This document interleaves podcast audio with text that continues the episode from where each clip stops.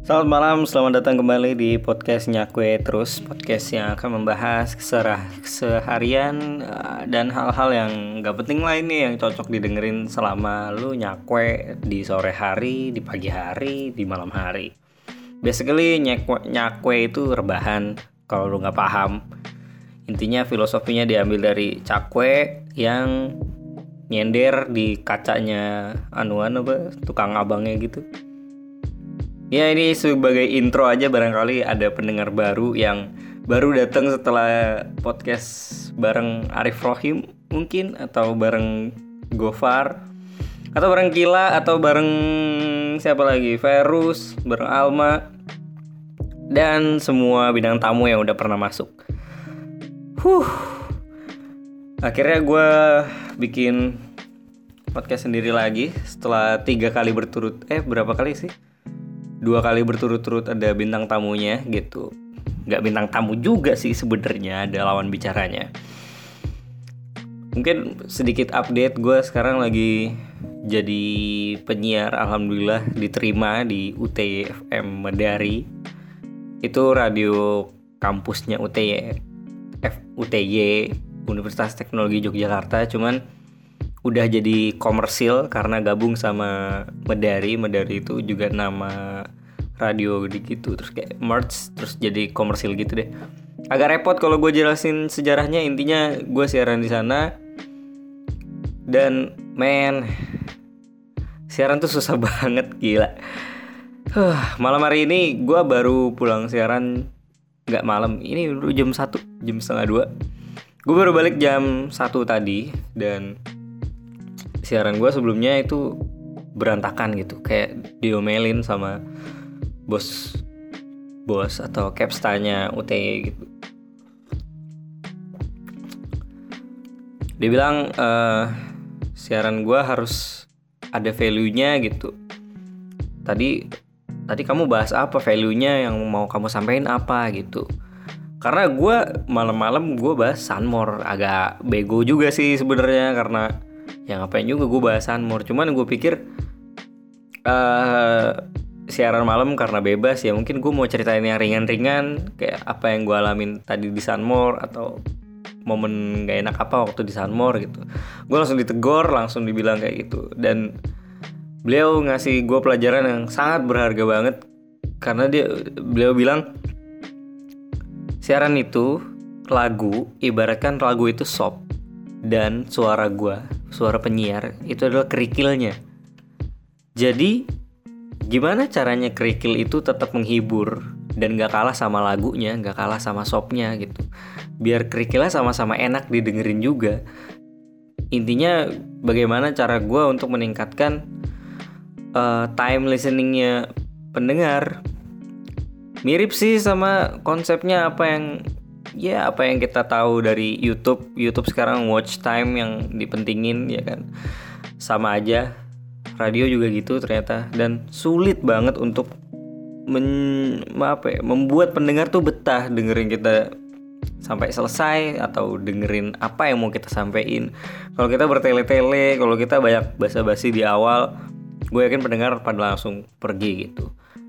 Itulah bedanya siaran dan podcast banyak orang yang ngerasa radio bakal mati dan atau atau mungkin uh, bakal nggak laku lagi. Tapi menjadi penyiar radio pun itu lebih sulit loh daripada jadi podcaster.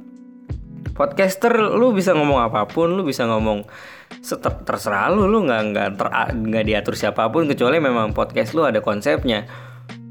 Dan pendengar datang ke lu gitu gue di podcastnya kue terus gue sih gak khawatir nggak ada yang dengerin atau gimana karena barangkali gue sendiri juga yang akan dengerin podcast gue sendiri. Jadi maksudnya sama aja lah kayak YouTube. Jadi gue menawarkan ini nggak ada ya udah terserah. Kalau ada ya bagus gitu. Tapi kan kalau radio nggak ada target yang dicapai ada target pendengar ada iklan udah ada uangnya gitu mungkin podcast ketika udah ada uangnya dan udah sponsorship juga ada target yang harus dicapai ya persis banget sih semua gue rasa semua konten lama-lama intinya sama ya bagaimana cara menarik engagement atau menarik uh, pendengar penonton agar terus dan terus mendengarkan atau menonton konten yang kita buat. Wow, gue gue bener-bener uh, kaget aja gitu karena biasanya selama ngepodcast, selama ngemsi-ngemsi jarang banget yang apa negor gue secara teknis secara apa gitu. Gue tuh selalu cuma ditegur soal karena menyinggung suatu golongan atau menyinggung kaum nggak kaum sih UKM lebih tepatnya. Lebih ke situ daripada gue dikomentari soal tekniknya gitu. Orang-orang kayak nggak peduliin sama cara gue ngomong di depan publik gitu di di kalau MC gitu. Nggak ada tuh yang gue turun MC terus kayak kamu tadi gini gini gini. Ada sih satu dua dan it's it's very rare occasion gitu loh. Kayak jarang banget jarang banget gue diprotes orang. Dan akhirnya ada yang negor gue dan ini adalah caps tanya langsung. Gue sangat merasa tertantang di situ ketika beliau langsung komen dan ngasih tahu gue gue langsung oke okay, siap mas gitu gue mau ganti materi gitu Beliau juga bilang kalau kita nggak punya suara yang bagus, ya kita tunjukin wawasan kita. Kalau kita nggak ada wawasannya ya kita tunjukin apa apa pun yang bisa kita tunjukin dari diri kita. Ya gimana caranya biar orang tuh tertarik gitu sama kita. Sampai PD gue jadi Capsta dan PD itu beda ya. PD kan program director gitu.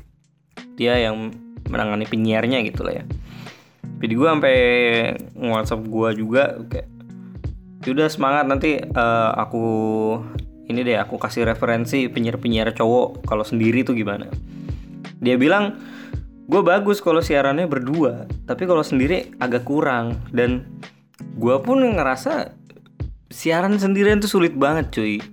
Ngepodcast sendirian juga susah banget karena gue dipaksa untuk terus ngobrol ngobrol dan ngobrol. Seakan-akan ada orang yang dengerin gue padahal kagak. Maksudnya maksudnya secara in real time kan nggak ada yang dengerin gue juga. Gue ngomong sama siapa? Mencim cim. Cim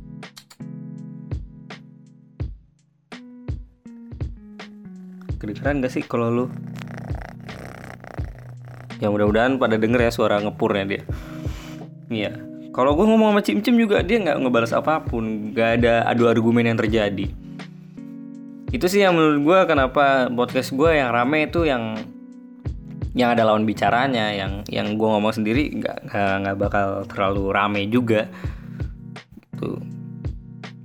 Ah, bener-bener ya hari ini luar biasa gitu. Gue ngerasain akhirnya gue ngerasain lagi namanya kritikan yang sangat membangun uh, Christine sampai nge-WhatsApp gue juga gitu. Semangat Gors gitu. Makasih loh Christine. Mungkin dia juga iri, dia juga bilang kok sebenarnya dia mau diperhatiin, mau dikomentarin dan memang menurut gue apa pun yang kita buat harus ada interaksi yang terjadi gitu loh. Kalau lu bikin konten, kalau lu bikin gambar, kalau lu bikin sesuatu apa pun dan orang justru nggak ngapa-ngapain tentang apa yang lu buat, itu kan justru sedih dong. Kayak gue nge-podcast nih terus nggak ada yang dengerin atau nggak ada efeknya ke orang yang dengerin gitu. Gue tuh seneng banget kalau dapet feedback kayak eh gue kemarin dengerin gitu. Wih thank you gitu. Uh, maksudnya walaupun dengerin sampai ketiduran gitu. Ya memang itu tujuan gue gue mau gue mau podcast gue itu jadi ambience gitu. Gue mau podcast gue menemani lulu yang lagi bengong lagi gabut aja gitu tapi butuh suara orang ya suara gue aja nggak apa-apa. Kalau memang lu nggak suka dengan suara gue yang nggak merdu gitu ya lebih banyak podcast lain yang lebih enak sih. Karena memang PD gue sendiri pun yang di UTY juga dia bilang kalau aja gue daftar radio 5 tahun yang lalu atau mungkin ya lima tahun yang lalu lah. 2014 atau mungkin 2010 gitu. Dia bilang gue nggak bakal diterima di radio karena suara gue bukan suara penyiar favorit yang biasa dijadiin penyiar sama radio-radio kebanyakan. Walaupun gue yakin itu bisa dilatih cuman karakteristik suaranya pun nggak nggak radio banget ya gak sih? Lu kan tahu kalau radio suaranya tuh yang berat yang yang manly gitu. Kalau yang kalau yang cowok tuh yang manly gitu yang bulet. Kalau gue apa cempreng terus kebanyakan sengaunya ya ciri khas bocah bocah lu gue banget sih. Sengau sengau kayak kayak puber kadang gue sampai iri banget gitu sama orang-orang yang punya suara berat. Gue ngerasa dengan suara berat lu bisa melakukan apa pun bisa lebih banyak melakukan yang lain daripada suara yang udah terlanjur tinggi kayak gue gue nyanyi nada tinggi gak nyampe. Nada berat gak nyampe. Kalau orang yang dengan suara berat nada berat ya itu nada dia sehari-hari ngomong. Kalau nada tinggi ya dia tinggal belajar ninggiin. Gampang. Ya walaupun balik lagi tiap orang tuh beda-beda wah bener-bener gue belajar banyak banget sih dan um, gue harus mencoba lebih serius lagi ketika mau talk mau siaran gue harus bawa materi yang oke okay. gue harus anjir makin makin lama makin mirip stand up komedi gitu sih enaknya stand up komedi adalah ada energi yang terbangun ketika lu ngobrol di eh ngomong di atas panggung dengan uh, penonton di depan lu gitu ada reaksi yang lu dapet dan ada ya feedback dari mereka secara langsung gitu. Ketika lu siaran lu tahu nggak sih kalau penyiar itu siaran matanya yang lihatnya ke mana? Ke mic ke, ke komputer ke mixernya. Banyak yang diliatin jadi kayak sebenarnya nggak fokus. Cuman kita harus berbicara seolah-olah kita lagi ngobrol sama teman deket kita yang lagi curhat gitu. Kita nih kita nih lagi curhat gitu. Atau mereka yang lagi curhat dan kita mencoba memberikan uh, masukan atau tanggapan gitu loh. Itu sulit banget coy. Gue baru training kan selama dua bulanan kemarin. Uh, September Oktober dan baru di awal November ini yang bener-bener fix. Gue penyiar gitu dan akhirnya dilepas siaran sendirian gitu. Anjir dipikir-pikir tuh berat. Cuman apa ya sangat tertantang banget. Gue pengen banget bisa siaran yang yang enak yang orang-orang juga nungguin kalau gue mau siaran gitu. Karena banyak senior gue yang juga udah punya uh, pendengar militannya gitu yang kayak apa namanya oh si ini siarannya jam segini. Iya pada dengerin semua gitu yang yang memang ngefans gitu. Ya walaupun baik lagi zaman sudah sangat berubah radio juga udah berubah banget. PD gue berkali-kali ngingetin kalau radio itu adalah media yang terdengar. Jadi ketika orang ganti-ganti-ganti channel gitu misalnya di ganti uh, frekuensi dan terdengar UTFM Medari gue harus menunjukin yang best of the best gitu loh. Jadi orang bakal langsung nyangkut. Gue nggak boleh banyak alasan untuk kayak ya tapi kan gue kan lagi capek pas itu gue gini-gini. Nggak bisa coy. Mana ada pendengar yang mau denger istilah ya penyiar lagi capek kasihan gitu. Gak, gak ada. Ada mungkin kalau yang militan itu yang saking pengertiannya mungkin ya. Ah nggak tahu juga lah masih abu-abu banget sih gue di dalam dunia siaran. Walaupun gue udah siaran di MMTC Radio tapi apalah MMTC Radio itu cuma radio komunitas yang di kampus aja nggak didengerin gitu loh. Sedih sih tapi itu latihan banget ngomong banyak latihan banget berinteraksi sama orang yang sedikit banyak kepake di UTFM cuman ketika di UTFM kayak gue ganti setelan lagi. gitu. Yang sulitnya karena gue lagi rame. Nggak rame sih maksudnya lagi banyak jadi MC di kampus. Ada beberapa acara gitu terus di situ tuh tandem semua kan. Kayak gue selalu ada pasangan atau uh, partnernya untuk nge-MC ketika ada partnernya itu menurut gue lebih lebih gampang banget. Gue punya bahan banyak maksudnya bahan candaan tuh banyak. Cuman cara memancing bahan candaan itu untuk keluar ya dari si partnernya. Partnernya tinggal mancing gue keluarin. Atau gue yang mancing-mancing dia nanggepin terus gue bisa ngeluarin lagi gitu. Tapi kalau sendiri gue mau mancing ke siapa? Gue mau ngeluarinnya bagaimana? Itu bingung banget. Dan waktu untuk talk di siaran itu paling mentok itu 2-3 menit sekarang. Karena ya orang tuh mana ada sih yang mau dengerin sampai aduh aduh ngantuk gue ya orang mana mau sih dengerin sampai satu jam gitu. Kecuali memang podcast. Kalau podcast kan orang memilih untuk mendengarkan itu gitu loh. Dan bisa di skip pula kan. Di Spotify di Anchor di, di Apple Podcast Google Podcast semua bisa di skip maksudnya lu bisa mempercepat kebagian yang yang pengen lu dengerin aja kalau radio kan enggak lu nungguin kira-kira penyiar bakal bahas apa ya? Dan kalau memang penyiar udah bilang di awal, nanti habis dua lagu kita bahas ini, stay tune gitu. Terus dua lagu seret, lu kan denger yang di awal tadi kan, dan lu pengen banget tahu gitu. Apa nih yang mau dibahas sama si penyiar tadi, sampai kudu dijeda dua lagu dulu. Dan kalau ternyata kentang kan orang juga males. Anjing ngapain sih orang gue udah tungguin gitu doang kabur. Makanya kenapa materi gue yang tadi gue bawa siaran soal Sunmore tuh sampah banget emang. Lagi-lagi gue kayak banget gue akan mencoba untuk podcast podcast ke depannya gue pengen natural aja gitu kayak males gue motong-motong anjir lama sumpah. Lu tahu ya sebenarnya gue mau cerita sedikit soal episode 10 kemarin yang soal Ista dan cinta bersama Arif Rohim. Itu ada sekitar 20-an menit yang harus gue hilangin karena karena isinya kebanyakan gue nggak tahu mau ngomong apa lagi sama Arif. Terus gue nggak tahu mau bawa apa lagi gitu materinya infonya atau ceritanya gitu. Atau bagaimana cara menyambungkan cerita yang satu ke yang lain gitu. Jadi gue udah lah kayak gitu. Maksudnya gue akan jadikan podcast ini juga selain untuk um, ambience ketika misalnya lu nugas atau apa pun tapi ini juga jadi lahan buat gue latihan ngomong sendiri secara terus menerus sambil terus bercerita membangun theater of mind dan akhirnya menyampein apa yang mau gue sampaikan poin penting dari omongan yang mau gue sampaikan ah.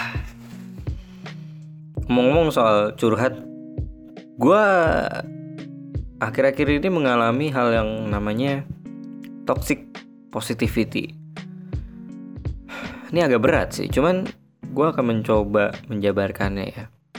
Dan yang bedanya adalah di sini atau di posisi cerita yang mau gue bilang ini ah gimana sih anjir posisinya sekarang adalah gua lah orang yang toxic positivity itu. Jadi gua lah orang yang bilang ke orang yang lagi punya masalah apa apa lu pasti bisa. Yuk lu pasti bisa. Lu semangat gitu. Itu gua cuy. Gua sadar setelah uh, Asif negor gue kayak kalau nanggepin cerita sedih gue gitu sih gitu. Terus gue bilang ya gue gemes ngelihat orang yang gampang banget ngedown gampang banget apa namanya sedih karena masalah gitu. Terus akhirnya kayak justru dia makin marah gitu. Gue tuh rasanya pengen ini cuy. Ini ya buat semua orang yang punya apa namanya overthinking. Overthinking yang yang udah berlebihan gitu. Atau yang anaknya drama banget yang putus terus kayak galau ya berhari-hari. Cerita lagi ke orang cerita lagi ke orang itu lagi itu lagi nangis terus. Nih ya buat lulus semua yang kayak gitu buat orang yang kayak gue yang nih ini kata-kata dari orang yang toxic. Jadi kalau lo ngerasa benci ya udah karena emang gue bilang ini adalah kata-kata dari orang toxic. Kenapa kita bisa bilang kayak eh udah nggak apa-apa lu pasti bisa. Atau kayak eh itu mending nih. Ada orang yang lebih susah daripada lu. Ada orang yang gini. Ah lu tahu apa yang mereka pikirin? Mereka tuh gemes ngeliat atau ngedengerin perilaku lu yang overthinking perilaku lu yang gampang stres gitu. Kita kita nih yang toxic toxic positivity ini ngerasa semua orang tuh sanggup menjalani hidup sebagaimana gue sanggup menjalani hidup gue sendiri. Yang ya yeah, ini salah banget keliru besar banget karena tiap orang kan beda-beda dong. Dan bahkan memang mental illness uh, stres itu kan penyakit beneran penyakit yang ada di otak yang secara biologis tuh memang sakit gitu loh. Jadi itu wajar terjadi makanya ah gue pun bingung gimana cara menyadarkan orang-orang yang toxic positivity ini. Karena gini orang-orang yang kayak gue yang yang kalau misalnya lu curhat ke gue gue cuma bakal bilang nggak apa-apa udah semua juga udah lewat ntar pasti bisa gitu. Nah di dalam pikiran gue di dalam orang-orang yang pikirannya toksik itu semua masalah tuh memang memang ya udah bakal terjadi aja dan bakal dilewati bagaimanapun caranya. Ketika mengalami tekanan ya itu tekanannya tuh saat itu doang cuy. Habis itu udah kagak ada lagi. Tapi yang gak dipikirin dari orang toxic positivity itu adalah perasaan orang yang mendengarkan kata-kata mereka. Karena ketika kayak orang kayak gue nih, gue ketika ada orang curhat ke gue, yang langsung gue pikirin adalah solusi dari masalah yang dia curhatin dan bagaimana caranya gue bisa mengubah cara dia berpikir supaya nggak jadi drama. Ini nggak cuma soal Asif ya, maksudnya semua semuanya loh. Ter uh, mesti dia kalau denger kamu ngomongin aku ya di podcast gini gini gini enggak enggak bukan bukan gara-gara kamu ya. Tolong kalau kamu denger. Tapi juga paling gue WhatsApp kok. Ya intinya yang mau gue share adalah ini dari perspektif orang yang melakukan toxic positivity-nya dan akhirnya sadar bahwa itu salah gitu. Gue sadar banget salah ya karena ketika gue ngomong gitu kok reaksinya semakin berlebihan? Kok reaksinya semakin marah? Kan gue bingung dong. Maksud gue di dalam otak gue gue mengatakan hal yang benar. Tapi untuk orang yang lagi kena masalah dan lo cuma bilang eh nggak apa-apa kali lu bisa. Eh itu mending. Coba gue gue ya gini gini gini. Lu tuh sampah gitu kayak anjir mereka tuh lagi sakit hati mereka tuh lagi sedih. Menurut Romi Rafael gue suka nonton lintas imaji di net. Jadi dia ngejelasin ketika daya imajinasi naik maka logika akan turun. Sama juga kayak emosi ketika emosi naik logika akan turun. Makanya kalau lu mau masuk ke alam bawah sadar lu, emosi lu harus naik supaya logika lu turun dan akhirnya otak mengizinkan lu masuk ke alam bawah sadar lu. Gokil kan gue masih inget karena di YouTube masih ada sih. Jadi orang-orang yang lagi depresi, orang-orang yang lagi sedih, lagi stres, lagi dalam tekanan dan akhirnya curhat ke lu misalnya mereka tuh logikanya tuh lagi turun cuy lu ngomong apa pun juga bakal denial mereka mereka bakal menolak mentah-mentah bahkan kayak useless lu bilangin. Lu semangat harus bisa. Nggak apa-apa kok gampang. Nanti gue bantuin gini-gini. Kagak. Ya mereka butuhin tuh cuman ya oke. Okay. terus mau lu gimana? Atau kata-kata kayak hmm nah bagian mana yang bikin lu nggak suka dari itu? Cukup segitu aja cuy. Nanti juga ngalir sendiri. Dan orang-orang yang overthinking over over over stress apa sih istilahnya? Gampang stres ya sebenarnya mereka juga sadar kalau mereka salah ketika stresnya berlebihan atau ketika pemikirannya terlalu berlebihan terlalu banyak terlalu drama gitu. Mereka juga sadar. Tapi ketika itu kejadian mereka tuh cuma mau ngelepasin itu cuy. Dan kebetulan ada elu ada gue. Yang ternyata cara pikir gue terlalu positif untuk mereka yang sedang dalam keadaan negatif gitu loh. Kan lu tahu positif dikali negatif ya hasilnya negatif.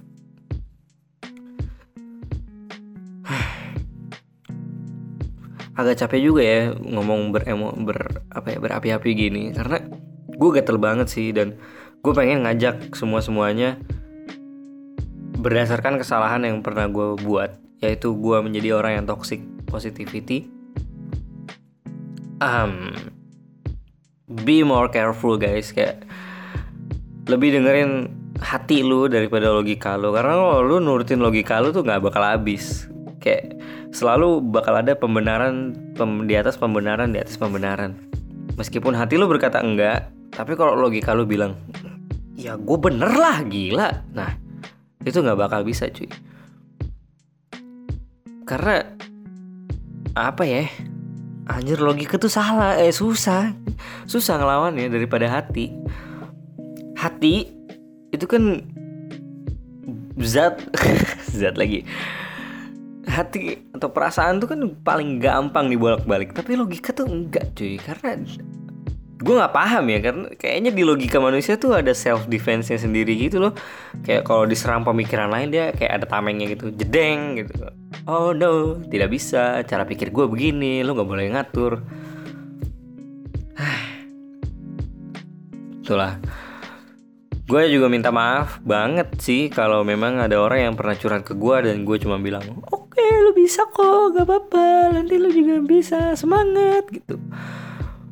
Karena ada satu ilustrasi komik empat panel gitu yang sangat menohok yang gue ngerasa kayak anjir nih bener banget nih. Jadi komik empat panel itu yang uh, gambarin orang tenggelam. Di panel pertama tangannya doang kayak air terus tangan terus kayak naik gitu. Terus panel kedua ada tulisan help gitu. Terus di panel ketiga itu diedit sama orang terus kayak ditepok tangan tangan gitu. Bukan diangkat bukan ditarik gitu tangannya bukan tapi ditepok. Tepok plek ayo kamu bisa gitu. Terus di panel terakhir tangannya tenggelam. Yang arti yang paling kuatnya adalah ayo kamu bisa ayo kamu semangat masalah kamu kecil gitu-gitu. Nggak membantu sama sekali nggak membantu.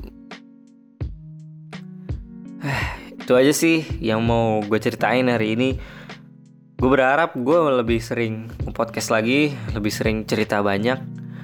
Karena balik lagi ya gue mau latihan supaya siaran gue yang sendirian itu makin lancar dan ya ya gue pengen menyalurkan emosi yang gue alamin di hari-hari yang berat gitu atau hari-hari yang lagi seru banget gitu. Udah ngantuk banget. Ini udah jam 2 Masih harus gue edit juga kan ini. Maksudnya Ya nggak bakal se Separah. Maksudnya apa ya, Sekasar ini Terus langsung gue upload gitu Karena pasti bunyinya sampah banget sih mana namanya HP pasti ngerekamnya kan audionya mono nggak stereo gitu. Kalau lu kalau ini file ini langsung gua upload ke Anchor dan masuk ke Spotify lu dengerin pakai headset paling cuma di kanan atau di kiri doang gitu. Ya udah itu aja. Terima kasih yang telah mendengarkan. Coba tolong komen ke gua lu mau bahas apa atau lu kalau punya cerita silakan datang ke gua. Gua bersedia untuk menjadi teman lu berbicara beradu argumen. Karena kemarin tuh ada nih salah satu temen dia mau bahas soal hubungan beda agama. Cuman gak dapet restu dari pasangannya. Ya gak apa-apa sih. Barangkali memang soal hubungan kalau terlalu personal ya ngapain juga diomongin di publik kan. Karena lo tahu yang kemarin podcastnya Arif ternyata toh tidak ada pembahasan apa pun yang lagi rame yang digosip-gosipin itu enggak. Ya clickbait. Semua demi konten bro. Mata uang yang berlaku sekarang adalah engagement. Alright? Engagement rate-mu berapa? Gitu. Itu kata Fis yaudah terima kasih. Selamat beristirahat, salam nyakwe terus, nyakwe setiap hari.